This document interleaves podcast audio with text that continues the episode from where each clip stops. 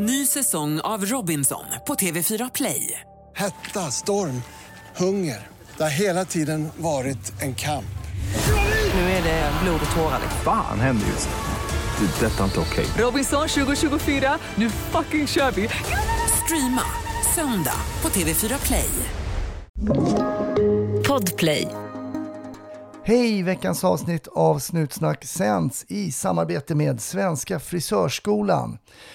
Ja, kanske du eller någon i din närhet har funderat på Frisör, det vore väl ett verkligt trevligt yrke där man får träffa lite folk, eh, prata, surra och ha lite skvallertidningar kanske på, eh, på bordet framför en. Det vet jag inte om man har, eller om man lär sig det hos Svenska Frisörskolan. Men de är i alla fall de allra bästa om man vill utbilda sig till frisör. Och du kan ju också få studiestöd medans du läser till frisör.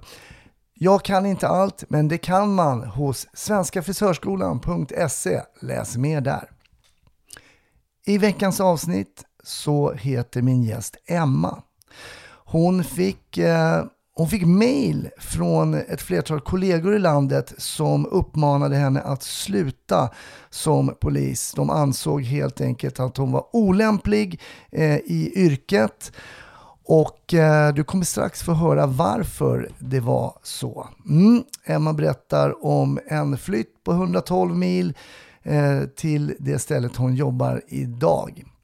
Vill du höra det kompletta avsnittet så vet du ju numera att du går in på patreon.com snutsnack där du får avsnitten en dag tidigare än alla andra, helt reklamfria och helt kompletta. Mm, så är det. Ha det riktigt bra.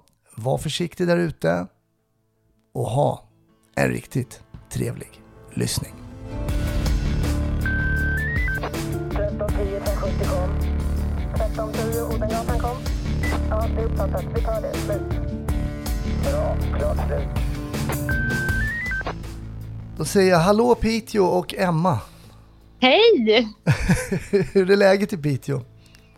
Läget är under kontroll. Eh, fantastiskt fint väder, blå himmel och strålande sol. Så då mår jag. Ah, det låter ju det låter inte exakt som man föreställer sig Piteå i april sådär, men eh, härligt, härligt. Ja, nej, men nu är det fint vårväder faktiskt, så då får man passa på att njuta. Har ni, har ni fått bort all snö? Nej, det är fortfarande en hel del snö kvar, men gator och torg börjar vara torra. Ja, okej. Okay. Ja, men det, det, ni får godkänt. Ja, eller hur? du, jag vet, vi hann ju prata lite här innan vi tryckte på räck. Eh, så jag vet ju att du är inte från Piteå från början. Du är från någon annanstans i Sverige. Berätta. Jajamän, ja det kanske hörs på dialekten. Jag vet inte, jag har tappat så mycket nu tror jag. Men några kanske känner igen det. Jag är nerifrån eh, Västervik. Eller Västervik som man då säger när man är där nerifrån egentligen. Nej, jag är född och uppvuxen i Västervik eh, och eh, har eh, spenderat större delen av mitt liv där, höll jag på att säga. Det har jag inte, för ett halva livet har jag levt här nu. Jag eh, gick på Polishögskolan i Stockholm. Mm. Kom in där 2009 och efter det så flyttade jag faktiskt till Norrland. Mm. Ibland vet man aldrig vad livets väg och stigar leder en. Nej, man vet inte det. Man har ingen aning om vart eh, vägen leder och det visste inte jag heller. Men eh, träffar man kärleken så där och det blir kärlek vid första ögonkastet då är det bara kasta sig ut och se vad, vad som händer och det gjorde jag. Ja, då blir det Piteå. Ja, men det är Då vart det Piteå. då vart det Piteå. Ja, men det låter härligt. Det låter, ja. det, alltså kärlek är väl en, en bra anledning att, um, att uh, ändra lite fokus på um, geografin i alla fall. Ja, precis. Jo, men jag, har, jag har ju en upp på han nu. För har jag flyttat 112 mil för hans skull så kanske han kan tänka sig att flytta 112 mil någon annanstans för min skull längre fram. Man vet aldrig. Men då får det bli till, då får det bli till varmare breddgrader. Ja, det är bra. Ja, Västervik är ju faktiskt varmare breddgrader. Det, så är det ju. Mm. Ja. Men okej, okay, eh, skolan 09 i Stockholm, då var det, var det, då var det Södertörn då? Eh, ja, på, på Sörentorp, ja. Nej, det var på Sörentorp, det var inte mm, Södertörn. Sörentorp. Nej, Sör, på Sörentorp. Just det, hur länge körde de där? Eh, ja, det kommer jag inte ihåg, men jag gick ju då där 2009, gick ut januari 11 eh, och sen vet jag inte hur många år till de körde där. Nej, det är jag som är lite osäker. Ja, just det. De, nej, men det är klart, 09 var de nog där. Ja. Mm, Det, ja, var då var ju, vi. det var ett bra ställe att gå polisskola på tycker jag. Ja, men herregud, man kan ju längta tillbaka till Lagtorget faktiskt. Däremot inte den här hemska hinderbanan. Men, men det är ju, man har ju lagt det i minnesbanken också. Ja. Men den, den var jobbig då. Men ska vi berätta för lyssnarna vad Lagtorget är? Det är ju faktiskt ganska, eh, det är en rolig plats faktiskt. Kan, Ja, du, kan du är- beskriva ja. Lagtorget? Ja, men på Sörentorp där så har man ju en, eh, då var det ju en uppbyggd liten, eh, ett uppbyggt litet torg med både busstation och tågstation och eh, det var ju lite affärer och lite annat sådär. Det var nog något hus de hade byggt där uppe i skogen också, så det kallades ju för Lagtorget. Lägenheter var det ju också som man körde lite case i och sådär. Så Mm. det var ju otroligt mycket minnen därifrån. Det var jätteroligt. Mm. Det var nog de bästa dagarna tror jag när man fick eh, öva på att vara polis på Lagtorget. Ja, ja det, var, det, var roliga, det var roliga dagar. Och intressant med de där lägenheterna, om ni som lyssnare då kan visualisera, så är det ju lägenheter med rum som alla vanliga lägenheter, men med halva väggar bara. Ja. Så att instruktörer och andra studenter, studenter kan liksom stå och titta in i de olika rummen. Liksom. Ja, och som uppe på en scen sådär. Det var, Ja. ja. det var ju lite jobbigt innan man vande sig vid det kan man ju verkligen säga. Herregud, det var ju som ett skådespel liksom med livepublik. Ja, och inte helt olikt kanske när man kommer ut och jobbar själv, för att man får ju livepublik ganska ofta när man ingriper. Absolut, ja så är det. Och det kan man väl också tillägga att man lärde sig minst lika mycket genom att stå där uppe och titta på när andra var patrull som när man själv var patrull inne på Lagtorget. Så det var otroligt lärorikt. Ja. Men det här tanken om att jobba liksom som polis då, när dök den upp hos dig? Åh, jättesent. Eh, jag hade ju gått ut skolan, eh, jobbade lite grann inom krogbranschen, hann att jobba en sväng inom kriminalvården på anstalten där i Västervik. Och sen av en slump så skulle jag åka hem till en, eh, till en kompis eh, och eh, han hade den här polisfolden eh, på vardagsrumsbordet Jaha. och berättade för mig att han hade sökt till Polishögskolan. Och jag satt och läste den där och bara, men gud vad fränt. Jag har ingen aning om vart jag tänker liksom att eh, vilken väg jag ska vandra liksom i yrkeslivet. Men jag satt och läste den där polisfolden hemma hos honom och eh, bara, ja men jag provar. Alltså det här, det ser ju ut som att de söker mig. Jaha. Och ja, det gjorde de uppenbarligen för jag kom in. Så det, Ja. var, det var jätteroligt. Och sen rullade det på. När du var, mm, när du var färdigutbildad på skolan, var, var började du jobba då någonstans då? Eh, ja, men då hamnade jag... Jag trodde ju som sagt att jag skulle söka mig ner kanske till Kalmar, Västervik eller Linköping eller liknande. Att jag skulle ner till, till Småland igen. Mm. Men i och med att jag hade träffat den här kärleken som bodde uppe i Pite så fick jag göra ett litet omkast. Så då sökte jag mig faktiskt till, eh, då sökte jag mig till Luleå.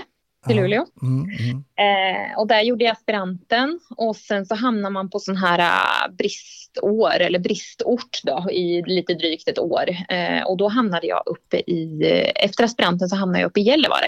Okej. Så då var jag i Gällivare och jobbade i 13 månader. Eh, så då pendlade jag dit. Men hur var det då? Gällivare, jag tänker det är en liten ort uppe i norr. Ehm, du- Ja, det var så långt hemifrån. Alltså, Ja, det- det, jag, hade, alltså jag hade ju först gjort en flytt från Västervik till Stockholm. Det tyckte jag var jättelångt. Det är ju dryga 30 mil. Det kändes lite så här, oh my god. Alltså det var ju så långt. Ja. Och sen då ytterligare liksom, ja men lite drygt då, typ 80 mil. Ja, mellan Västervik och Piteå är 112 mil. Så ytterligare då det. Och sen så när de då säger till mig att jag ska jobba då uppe i Gällivare, då Ja, det var tufft kan jag ju säga. Var det så? Det var lite så att du ah, kände att oj då. Ja men, eh, ja, men luften gick ju lite ur mig såklart. Det var, det var jätte, jättetufft och Mm. inte jättelätt att hitta boende. Eh, så att eh, jag bodde faktiskt i husvagn när jag jobbade i Gällivare. Är det sant? Men även på Ja. vintern? Ja, jag jobbade 13 månader i Gällivare och bodde utanför polishuset i en gammal kabe från 80-talet. Ja, men du driver, Jajamän. grej. ja, så var det. Du måste ha varit Eh, väldigt kär. Ja. Det är jag fortfarande. Det är därför jag är kvar. Nej, det var otroligt speciellt alltså. Så att, ja, de kommer ihåg mig som, som tjejen som bodde i husvagn tror jag under de, de, de 13 månaderna. Men det var Alltså otroligt familjärt eh, uppe i Gällivare. Det var, de tog hand om en så himla bra. Så det var som gänget, gänget där. Eh, Gällivare-poliserna var otroligt eh, härliga. Eh, så det var nog de som fick en att gå runt. Och så var vi ju ett gäng med nybild, nyutbildade poliser som, som hamnade där. Vi var några stycken Mm. som åkte upp på det här briståret. Då. Eh, Så det är klart, man tog hand om varann och det, vart som en, det blir som en familj. Man umgås med familjen och så ut och sova då, i husvagnen och så in igen. Det vart mycket, mycket gym och mycket, mycket stationshäng på, på fritiden också. Men jag tänkte säga dusch och sånt, det körde du på jobbet då eller hade du det Ja, med, ja, jag stod ju precis utanför polisstationen så jag hade ju tillgång till både köket inne på polisstationen och jag hade ju gymmet och omklädningsrum och allting. Så att, eh, det är vart första min gången jag hör- minilägenhet. Det är första gången jag hör en polis som bor i husvagn utanför polishuset. Det var en fantastiskt Ja, rolig nej, story. det- That's me.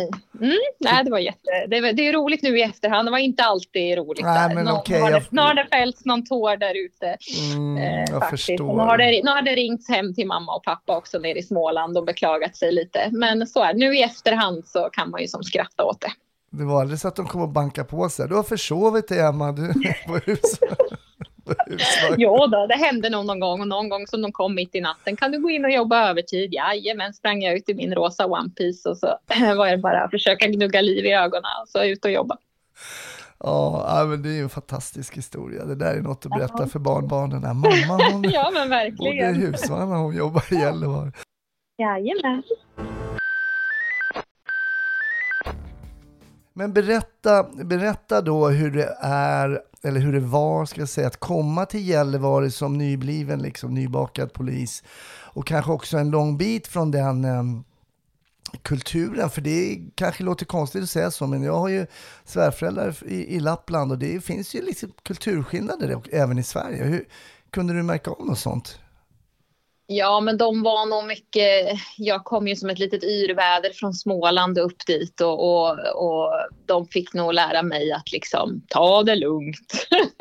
det var så? Eh, lite sådär. Eh, som, och sen, som nybakad polis, man är ju väldigt sådär, man vill ju hitta på väldigt mycket och man vill hitta jobb att göra och sådär. Och det är väl klart att Gällivare under de 13 månaderna, de, de genererade väl inte jättemycket jobb. Så, så just kunskapsbanken yrkesmässigt fylldes väl inte på så mycket. Nej. Efter de här 13 månaderna så fick jag ju komma ner till Luleå och jobba i och då var det ju eh, full fart på en gång för det är ju lite mera, det var lite mera action där. Ja, förstår Men det. jag lärde mig mycket uppe i Gällivare också och det är ju, man lär sig ju att bli ganska ödmjuk inför yrket också. Det är ju, när det väl händer någonting så är du kanske helt ensam patrull och, Mm. och då gäller det att laga efter läge och vara eh, eftertänksam och klok i sina beslut. Mm, just det. det har jag haft gäster som har jobbat eh, i Arvidsjaur och lite så här um, mindre orter och det är väl det som man får höra att det är ett ibland nästan ett helt annat arbetssätt um, mot vad man kanske till och med också har lärt sig att man måste agera helt annorlunda i vissa tillfällen. Ja, men absolut. Och det, där kan man ju spela tillbaka på skolan där du kanske kunde ringa till en patrull. Nu var det inte alltid du kunde det, det berodde lite grann på övningen. Men, men många gånger så vart man kanske lärd att vi ringer efter en till patrull, vi pausar, väntar in, väntar in förstärkning och så vidare. Och det, Mm. det finns ju inte här på det sättet och kan vara flera timmar bort. Ja. Ehm, så att, och mitt i natten och då, då är man där själv och då gäller det att, att lösa uppgifterna. Eh, efter den förmåga man har där och då. Har du något minne av något jobb där det var så där att du kände oj nu måste vi verkligen laga efter läge här och, och, och improvisera liksom?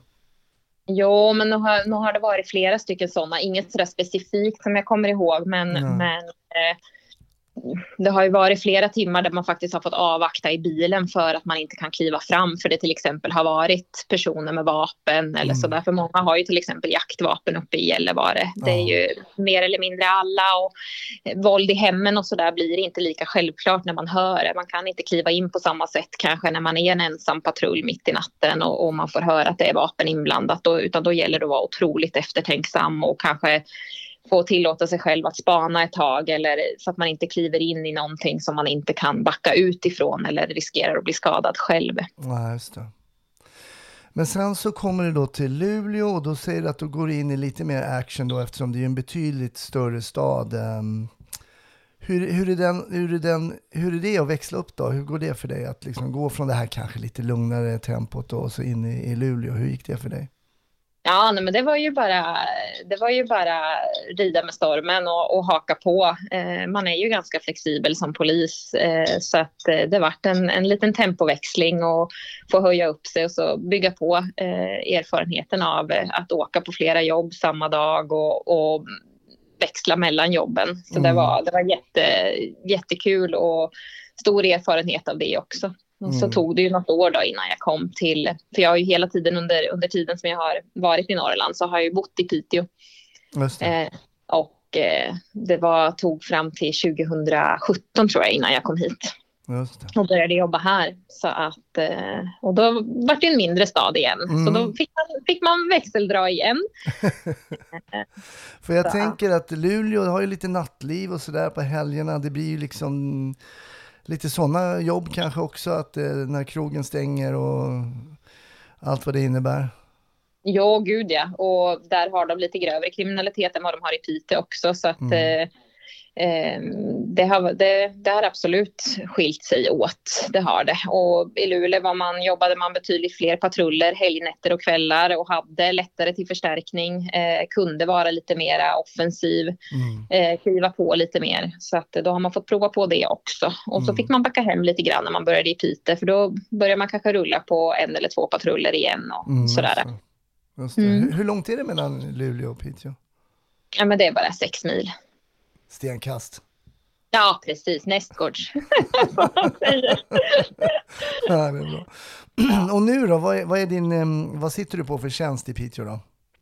Jag eh, började i Piteå nästan omgående som områdespolis. Mm. Mm. Gjorde jag. Så att eh, det var väl en tjänst som hade växt, eh, eller intresset för den tjänsten hade växt fram eh, under tiden. Dels som jag jobbade i Gällivare, men också nyfikenheten på det eh, när jag såg hur de jobbade i Luleå. Så att eh, när jag kom hit till Piteå så var det den första tjänsten jag sökte eh, när den vart ledig eh, och fick den. Mm. Så att det kändes som att det var, jag brann för de frågorna som eh, områdespoliserna jobbade med. Eh, det trygghetsskapande och kontaktskapande och mycket gentemot eh, ungdomar. Det arbetet lockade mig jätte- jättemycket. Just det. Eh, det tog jag mig an när jag kom hit. Och är du kvar där fortfarande? Jag är kvar som områdespolis. Ja, den känslan släpper jag inte. Nej, det gör inte det. det, gör inte det. Nej. Nej, men jag tycker att det låter, ehm, alltså personligen så om jag skulle säga, ja, du måste börja jobba som polis igen, då tycker jag det låter som en jätteintressant tjänst. Ja, ja, Att, den är, eh, jag älskar den. För av de tjänster, jag vet ju precis vad jag verkligen tyckte om och jag vad jag verkligen inte tyckte om. Jag tyckte inte om till exempel att vara spanare på Säpo Nej. och sitta i en bil och kolla på en björk liksom. Eh, nej, men jag, är för, jag är för faktiskt social, men ibland måste man göra saker också tror jag, även eh, liksom i det polisiära. Man vet inte riktigt alltid vad man tycker är lattjo man, man kanske har gjort något ett tag och så tänker man att man vill byta och det ju, finns ju en, det är ju så oerhört eh, förmånligt att man kan byta tjänster inom polisen. Sådär. Men, Mm. men det är lite Ja, men- learning by doing som man säger. Mm. Ja, men och just nu, gruppen som vi har nu, den är, den, eh, vi har ganska många olika eh, erfarenheter sitter vi på, vi som jobbar i gruppen. Så att vi Mm. har, eh, och den har ju ändrats lite grann genom åren. Vi har gått från att vara två stycken områdespoliser i Piteå till att vara sex stycken. Eh, så det har, det har blivit jättebra. Vi, Mm. De la ju ner eh, narkotikagruppen som var här och bakade in den i tjänsten som områdespoliser. Okej. Eh, Så jag har fått jättemycket erfarenhet av det också. Jobbat mer civilt än, än någonsin. Även om jag eh, kanske precis som dig då eh, inte brinner för det fullt ut. Och kanske inte heller min favorituppgift att sitta och eh, spana. Eh, men det, just den här kombon i, i gruppen är jätte, jätterolig när man Mm. får göra lite av varje. Det är civilt någon dag, kanske någon spaning och sen eh, men eh, väldigt mycket brottsförebyggande arbete för det är väl det som ligger mig varmast om hjärtat. Mm. Har ni några sådana här utan, eller stökiga områden där ute eh, runt i Piteå? Liksom, utanförskapsområden eller problemområden eller vad, det, vad de väljer att kalla det? Nej, vi jobbar med mindre problembilder gör Mm. vi. Eh, inte, vi har inga utsatta områden på det sättet. Nej, nej. har vi inte. Eh, och ingen gängkriminalitet eller eh, den typen av brottslighet här än. nej. Och det är väl det som jag brinner också väldigt mycket för att, att eh, mota Olle vid grind. Det, det, det hör inte hemma här heller och målet är ju att det definitivt inte ska närma sig Piteå överhuvudtaget. Så att eh, det gör väl, det brinner man extra för och det är väl det som gör att, att motivationen är stor för jobbet och de arbetsuppgifterna som jag jobbar med då, som Mm. handlar väldigt mycket om trygghetsskapande och kontaktskapande och sådär. Så då, mm. Hur tycker du att du, du och ni blir bemötta då? Om ni till exempel snackar med ungdomar och, och sådär. Och hur tycker du att ni som poliser, vad har ni för status i Piteå med omnejd? eh, jättebra status ändå skulle jag säga. Vår kontakt med ungdomarna är, är suverän. Det är, det är sällan vi får ett, ett långfinger efter oss. Då händer det någon gång ibland, men de flesta är otroligt eh, trygga i att komma fram. Eh, hälsar och high-fivar och ropar efter en om man kommer in på skolorna, hälsar på en i korridorerna. Eh, så det är, det är oftast väldigt trevlig stämning när vi träffar, träffar ungdomarna på olika ställen. Det är väldigt intressant att höra. Man har pratat med en del andra så är det precis tvärtom. Man får kanske väldigt många fingrar och, och, och glåpord efter sig. Kanske till och med väldigt nära står man när man skriker. Man har ju sett klipp till exempel på sociala medier när någon skriker glåpord efter polisen. Man undrar ju var, var själva, var den här brytgränsen går. Mm. Varför Ja, vi har ju- det blir så.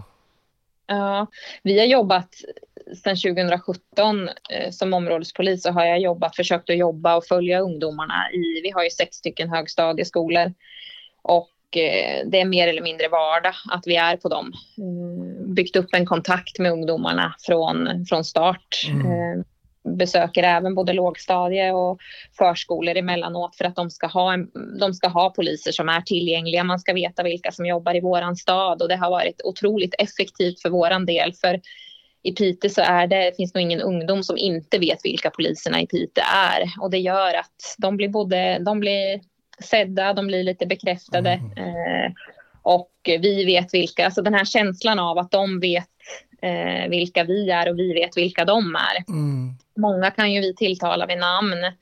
Eh, och det är klart att då, ja, de, de, får, de får känna på att i, polisen vet vem jag är. Och det tror jag är ett, ett vinnande koncept. Ett poddtips från Podplay. I fallen jag aldrig glömmer djupdyker Hasse Aro i arbetet bakom några av Sveriges mest uppseendeväckande brottsutredningar.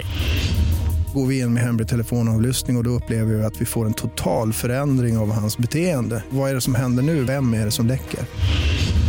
Och så säger han att jag är kriminell, jag har varit kriminell i hela mitt liv men att mörda ett barn, där går min gräns. Nya säsongen av Fallen jag aldrig glömmer på Podplay. Ett poddtips från Podplay. I podden Något Kaiko garanterar östgötarna Brutti och jag, Davva, dig en stor dos skratt. Där följer jag pladask för köttätandet igen. Man är lite som en jävla vampyr. Man har fått lite blodsmak och då måste man ha mer. Udda spaningar, fängslande anekdoter och en och annan arg rant. Jag måste ha mitt kaffe på morgonen för annars är jag ingen trevlig människa. Då är du ingen trevlig människa, punkt. Något Kaiko, hör du på Podplay. Därför är gardinerna. Vi har pratat om det så många gånger i podden med, med olika gäster. Som jag, och man tycker att det inte är liksom, man behöver inte vara liksom någon Einstein för att förstå det här. Och man skulle ju när man hör det du berättar vilja dela upp alla områden i små Piteå. Liksom, så att man har så många poliser per capita slash elev, skola, liksom, så att man kan lära känna. Och det här med att kunna namn på poliser och veta vad de heter, det är ju helt, tror jag, det tror jag har en makalös positiv effekt. Man, jag tror Ja, inte man vill kasta sten på Emma om man liksom känner henne och träffar henne och sådär. Det finns någonting där i, i, i vårt mänskliga beteende som gör att man, man eh, tvekar att göra sådana dumheter då tror jag. Jo, och det blir en ömsesidig respekt. Sen är det ju, vi har ju, vi har ju valt att möta mycket av våra ungdomar också. Inte bara in real life, utan vi har ju valt att möta väldigt många av våra ungdomar på sociala medier. Och det har ju också gjort att, att vi har fått en, en anknytning till varandra, att vi vet vilka varandra är. Eh, och det har jag sett som otroligt positivt, eh, att vi har kunnat nyttja det. Mm. Sen, har ju, sen har jag jobbat, jag har jobbat med sociala medier i Piteå sen jag startade ju upp polisen Piteå på Instagram i augusti 2017. Eh, och sen dess har vi ju jobbat aktivt med vårt Instagram som har blivit väldigt stort utifrån eh, den lilla stad vi faktiskt är. Men eh, sen har vi ju fortsatt att jobba. Eh, jag har ju en kollega vid min sida som heter Martin Widgren som eh, jobbar dels i områdespolisgruppen men som jag också har haft eh, med mig under det här nätpatrulleringsprojektet som vi har haft, pilotprojektet. Mm. och det har varit otroligt lärorikt och där ser jag ju enormt många fördelar med hur vi kan eh, connecta med både barn och ungdomar som kanske är den kategorin eh, människor i samhället som vi inte är speciellt tillgängliga för i vanliga mm. fall. Ja, just det, precis. Ja, var, var ungdomar har befunnit sig under liksom olika decennier och, och, och liksom tidseror är ju verkligen vitt skilda. Och nu är det ju mycket just som du säger på sociala medier, du nämner Instagram och sådär. Och när vi pratade innan så sa jag så här, men jag brukar alltid be min gäst eh, berätta ett minne som dyker upp. Och då sa jag, men det kommer bli sociala medier, sa du till mig. Då berätt ja. För vi är ändå inne på det nu, tänker jag. Ja. Eh, kan inte du berätta, Emma, vad som hände? För det var ju en grej som hände just kring eh, ert sociala mediekonto, där du var, liksom blev, um, hade huvudrollen kan man väl säga. Ja, eh, ja men vårt Instagramkonto har ju växt under åren och eh, jag har ju varit väldigt nyfiken på sociala medier. Och jag har ju också sett den här trenden att ungdomar kanske inte är på, eh, på specifika samlingsplatser liksom i stadskärnan eh, utan jag har som sett att de är någon annanstans och de är ju på sociala medier. Och här vill jag ju som möta dem och kring allt det här så kom även det här projektet, då, pilotprojektet med just nätpatrullering och vi vart ännu mer nyfikna på att utforska andra plattformar. Vi var över i april, i maj och till Oslo och tittade på eh, tittade på hur de jobbade och de jobbar ju med just nätpatrullering Mm. och är inne på plattformen TikTok. Eh, och det var ju vi jätte, jätteexalterade över och kände att ja, men här har vi väldigt mycket att lära eh, av våra norska kollegor och eh, det ville vi som ta med oss hem till Sverige och se lite grann vad vi kan göra av. Eh, så jag startade faktiskt ett privat konto eh, på TikTok Mm. där jag heter Pite Emma med en polislogga och där jag har lagt ut klipp eh, på mig själv i uniform. Och det är just på det här kontot då som eh, jag har fått en hel del följare och eh, som jag väljer att lägga ut ett klipp då som varit väldigt uppmärksammat och det är ju när jag är ledsen och har varit på, efter att ha varit på ett dödsbud. Mm. Lämnat ett dödsbud. Just det, och vad var det för jobb då? Om vi beskriver det, om vi börjar där. Du åker iväg på ett jobb som du vet är Jag åker- ett dödsbud. Ja, vi får det jobbet att det är ett dödsbud eh, som vi ska åka hem och lämna eh, till eh, närmast anhöriga eh, där det är deras dotter som har gått bort. Mm. Vad är för ålder tror- på dottern då? Eh, ja, men hon, var, hon var ändå vuxen, Ja, men, mm, men det är ju ändå någons barn. Absolut, även, om man är, nej, även om man är plus 20 så är det ändå någons barn. Absolut, absolut. Och jag hade nog varit tror jag på tre dödsbud under de senaste två veckorna. Eh, jag har en tendens att hamna på dem. Eh, Men eh, jag... Eh, ja, det väcker ju otroligt mycket känslor. Man blir känslosam bara man pratar om det. Det är Men eh, Mm. Det är, det är otroligt tuffa jobb Mm. eh, och de sätter sig ju sätter sig ju fast, liksom. de svetsas ju fast i huvudet. Man blir ju inte av med dem. Men det är otroligt tungt och det här hade varit en tung period och jag hade pratat mycket med min kollega Martin Widgren som var med mig vid det här tillfället när vi åkte på det här dödsbudet och eh, det var svårt att hålla ihop. Eh, man gör, man är jätteprofessionell eh, och eh, jag kan sköta mitt jobb galant även om det fälls en tår eller två. Eh, det är oftast inga problem alls att visa att man är människa och att tårarna kommer när man lämnar ett sånt här tufft besked. Mm. eh, till nära anhöriga. Även om man såklart försöker göra sitt bästa för att, att hålla ihop. Men ibland kommer det en tår eller två. Och eh, det gjorde det vid det här skedet. Och jag valde, jag fick jättefint stöd av Martin som var med mig då. Och eh, det här sa jag att det här skulle jag vilja visa för eh, den, de som följer mig. Eh, och det valde jag att göra. Så därför så publicerade jag det här Mm. klippet på min TikTok. Och, kommer du ihåg eh, ungefär vad du skrev liksom, i samband Ja, med men att du jag- kunde se att du var ledsen då såklart? Då. Ja, man kunde se att jag var ledsen och man kunde se att jag fick en stöttande kram av, av eh, min kollega eh, i filmen. Och det var, det för, var för att visa den sidan av polis, att det här också är en del av, det här är en del av jobbet och det här är en av de tuffaste delarna av jobbet tror jag skrev. Mm. Att lämna just dödsbud och att, att det är otroligt tufft. Men, men det är en av våra arbetsuppgifter som många andra inom polisen. Mm. Och det uppmärksammades ju. Jag var nog faktiskt och tjänstgjorde i Gällivare under en förstärkningsperiod när jag la ut det här klippet. Eh, och det fick ju en enorm respons på en gång.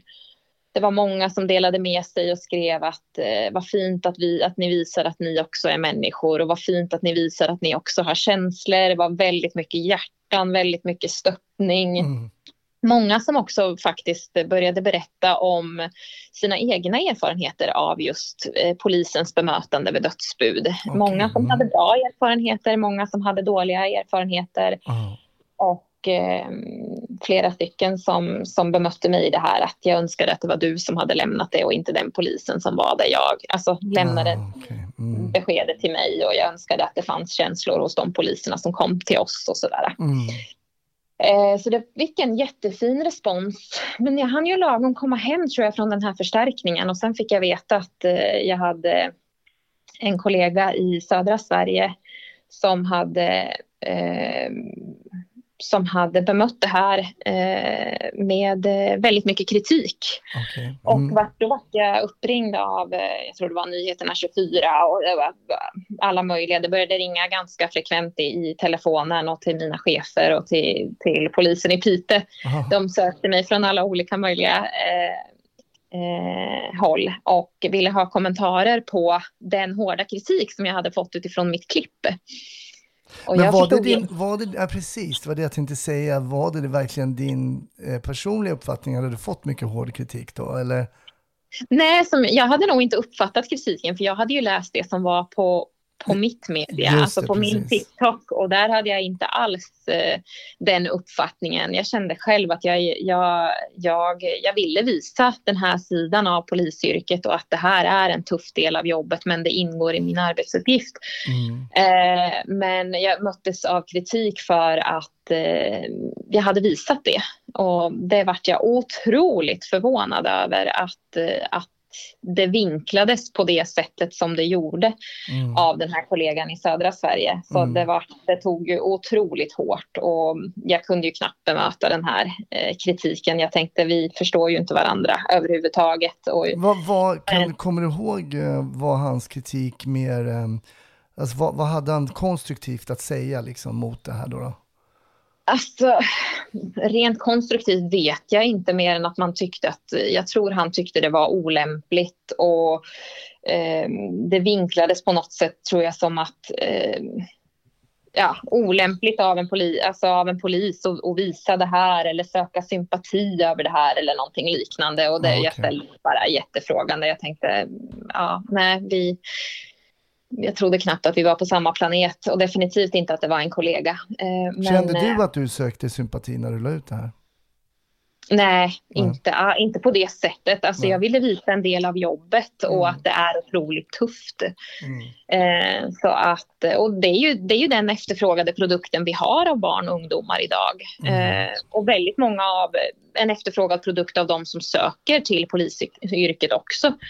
Eh, man har ju, det vet vi ju att efterfrågan av de olika delarna av polisyrket finns. Och alla de här serierna som har varit utifrån liksom polisserier och så vidare. Det är ju, man vill ju visa vilka sidor det som finns inom, inom myndigheten och vad, vad polisyrket innebär. Så det har ju varit otroligt uppskattat och visat och på våran Instagramsida Polisen Piteå så har vi ju visat väldigt mycket känslor där också tidigare och folk är ju verkligen nyfikna på vad jobbet innebär och har ju upplever jag fått en större förståelse för polisyrket efter att vi har kunnat dela med oss på det här sättet av vad det faktiskt är vi gör i yrket på vår arbetstid.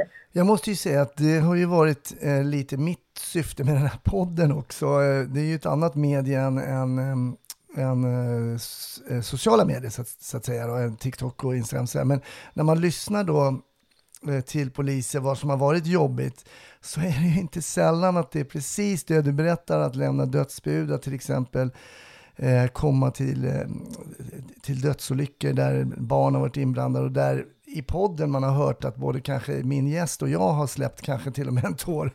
För det är Mm. ju så viktigt att förmedla tycker jag, alla sidor av ett yrke som är ganska mytomspunnet och kanske i vissa fall också missuppfattat. Ja, och framförallt när, det är, när, när man har förstått att det är efterfrågat, att man vill veta kanske innan man söker. Man vill verkligen veta. Jag har ju jättemycket elever och som jag träffar under föreläsningar det- där de vill berätta om yrket, berätta om alla, om alla sidor av det och där får de veta. Jag föreläser jättemycket både för föräldrar och för ungdomar i skolorna att, och liksom berättar om yrket, berätta vad det är vi jobbar med. Jag kan berätta om dagsläget just nu, vad vi jobbar med i Piteå och så vidare och så vidare för att folk ska vara uppdaterade och veta vad, vad våra arbetsuppgifter är. Och det är ett, alltså enormt uppskattat. Vad hände, vad hände fortsatt rent konkret efter den där kritiken då? Du fick bemöta den i, i olika...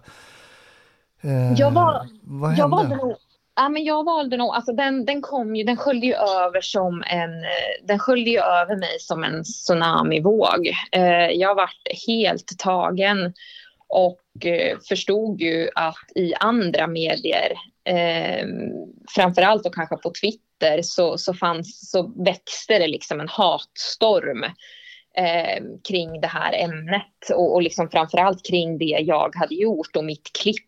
Och det är klart att det sprider sig till ännu, alltså till, till väldigt mörka sidor och till eh, ett enormt, liksom, det, det vart ju som ett uppbyggt hot. Eh, det var ju tal om att mina barn skulle ha reflexväst på skolan liksom.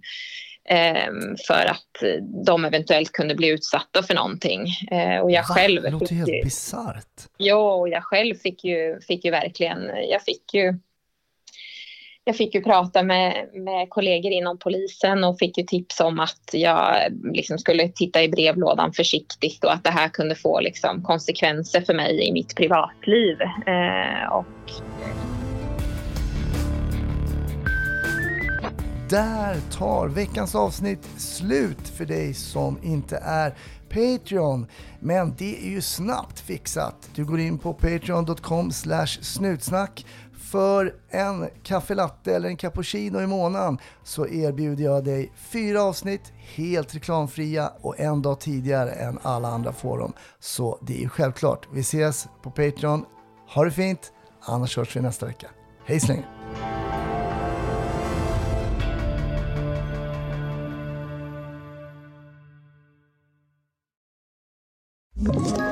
Ett poddtips från Podplay.